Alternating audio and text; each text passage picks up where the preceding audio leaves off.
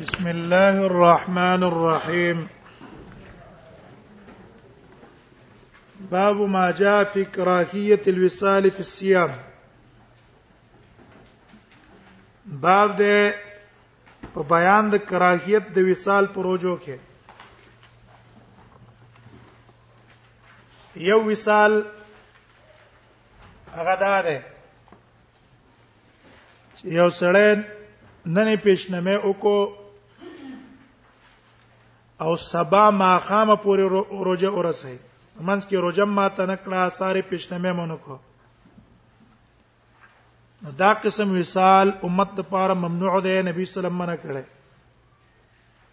او دا خصوصیت ته د رسول الله صلی الله علیه وسلم په اتفاق د علماو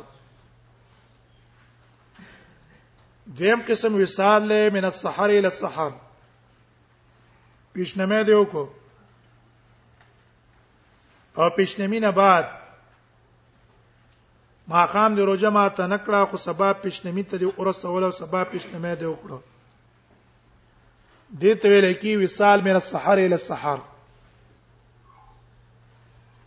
دا وصال من السحر الى السحر اختلافي دی د علما په منځ کې د جمهور علما په نسبت باندې دا قسم وصالم ټیک نه ده د احادیث د نهي د وجنه چې رسول الله صلی الله علیه وسلم منع کړی د وصال نه لیکن د امام احمد او د امام بخاری رحم الله را ادا ده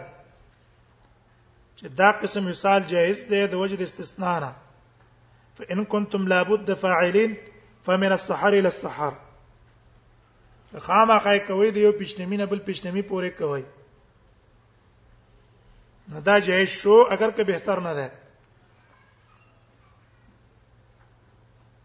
وبي قال سنة نصر بن علي الجهزمي قال سنة بشر, بشر بن مفضل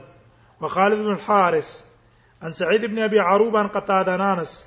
قال قال رسول الله صلی الله علیه وسلم فرمایلی دی لا تواصلو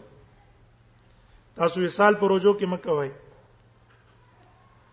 قالو دي صحابه تویل فانك تواصل یا رسول الله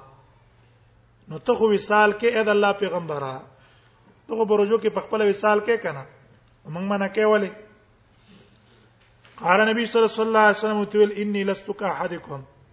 دا خو تاسو په شان نه ان ربي يطعمني ويسقيني الله ما ته خوراک اوس کا کرا کوي د معنا کې د علماو اختلاف دی یطعمونی وسکینی څه معنا ده چا خو یو په ظاهر باندې کړی دا چې الله مال خوراک او سکاک د جنت نه راوړي زه خرمه او تاسو ته د خوراک او سکاک نه جنت نه راځي د جنت نه ته خوراک او سکاک نه راځي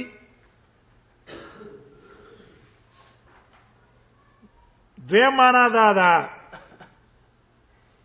چې دلته معنا څه ده یطعمونی و یسقینی زه په معارف الهیو کې د الله په معرفت او محبت کې دون اور نه وزما چې هغه زما د پاره خوراک اوس کا ګرځي چې دا هغه د وجه د خوراک اوس کا کنه زما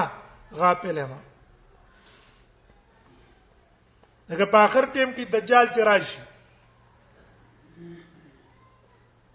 نو اخر دجال ټیم کې به خلق په غرونو کې یاجوج ماجوج چې راشي خلق په غرونو کې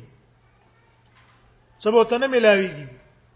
نو صحابه ته پوسو کو چې اې د الله نبی چې موږ سار ډوډۍ وخورو غرمه چې نه راغلی موږ وګی شي نو هغه کې بس کو نبی صلی الله علیه وسلم سبحان الله الحمدلله ابا خوراک په ځای تاسو له کار کوي عیسی علی السلام پاس پاسمان کې د خوراک کا کوي نه انسان دې کنه مخکې خړل بیا چې را کوشي خوري به اوس په سبحان الله الحمدلله د ملائکه غونډه کې هغه باندې غذا کوي دا معنا ده تاسو زما پرنګ نه دیوژن زمنګ تاسو دا مشران چې وګورو ناغي وچو روټو باندې گزاره کړي خوراک ته نه ملاوي دي صحتونه بدنونه قوي وو عبادتونه جهادونه کې مضبوطو صحابه په کجورو باندې وخت راو ولی تعلق د الله سره ډیرو سونه د الله سره تعلق دی ډیرو خوراک اوس کاک ته بدی څنګه راځي توجه به دونه نه راځي بس گزارې خوراک بو کستا وخت په روان معنوي غذا به تاسو سکیږي په ته ملاوي وفي الباب عن علي وابي هريره وعائشه وابن عمر وجابر وابي سعيد وبشير بن الخصاصيه قال ابو يساوي حديث انس حديث حسن صحيح والعمل ولا هذا عند بعض العلم بعض العلم په نسبت دي عمل له کری هول وصال فی الصيام دی پروژو کې وصال څه کړه ده مکرو ګرځوله وروین عبد الله ابن زبیر عبد الله ابن زبیر نه روایت شوی دی انه کان یواصل الايام ادب وصال کولا افطر ولیکن ته تڅنو حدیث نه یو ته معلوم نو دغه دا کړه باو ما جاء في الجنوب يدرك الفجر وهو يريد الصوم ستا اراده را سباله د روزه او د شپې نه ته جنوب شوه او وخت پیشنمی در باندې راغی وسکت لام به خراس کاک نه فوت کیږي نو آیا ته په دې جنابت کې خراس کاک کولای شي چې ابتدا د روزه د سنو کې جنابت نه وکي احادیث د باب دلالت کوي په دې چې دا جایز ده کوم روایت د ابو هريره رضی الله عنه چې ده او بعض علما په هغه باندې قول کړی دی چې نبی صلی الله علیه وسلم ویلي دي چې من اصبح منکم جنوبا چا چې په سبا کو په حالت د جنابت روزه دي نه نيسي نو هغه حدیث به څه شوی دی منسوخ شوی دی په دې عمل د رسول الله صلی الله علیه وسلم باندې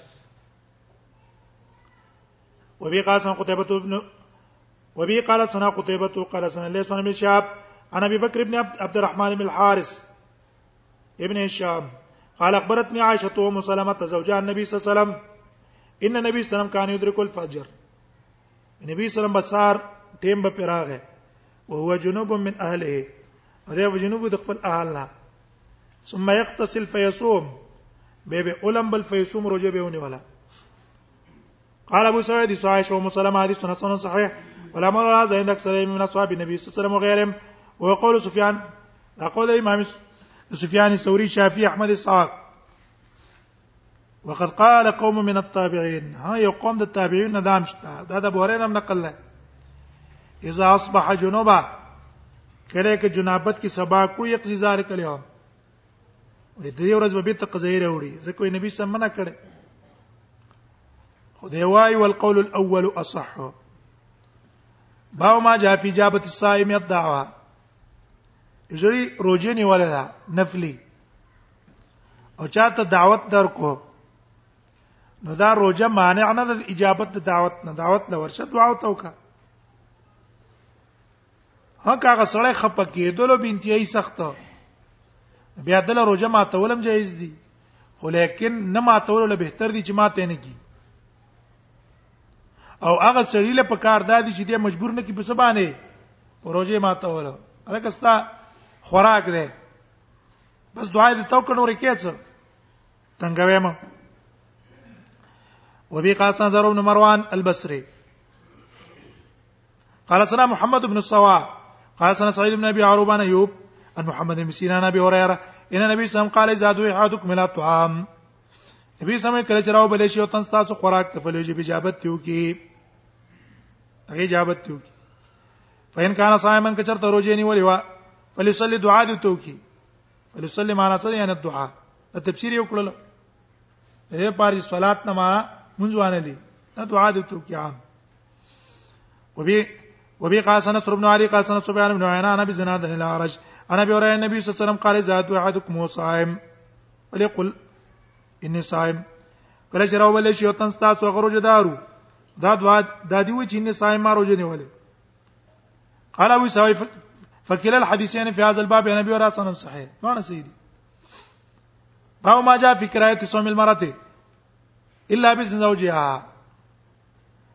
نپلی روزه چې خزه نیسی نو به اجازه د خاون به نه نیسی اجازه به یا صراحتا غواړي یا به اجازه زمنن غواړي صراحتا به دا تفوسو کی زرو جوړی سماوت یا ویني یا زمنن چې دا روزي اسباب تیاری خاوند ته څنګه وای غزمنن اجازه ده بیا خاوند پر حق نشته چې مطالبه د جماعت یو کې د ورځې دا مطلب دی وبي قال سنه قتيبة ونصر بن هارين قال سنه سفيان بن عيينة انا ابي زناد عن رجل النبي ورى النبي صلى الله عليه وسلم قال لا تصوم المرأة وزوجها شاهد روزه باندې چې قضا او خاوند دي حاضري يوما من غير شهر رمضان یو ورځ هم غیر د میاشتې رمضان نه هر رمضان کې اجازه اجازه ته ضرورت نشته ځکه د الله حکم دی الا باذنه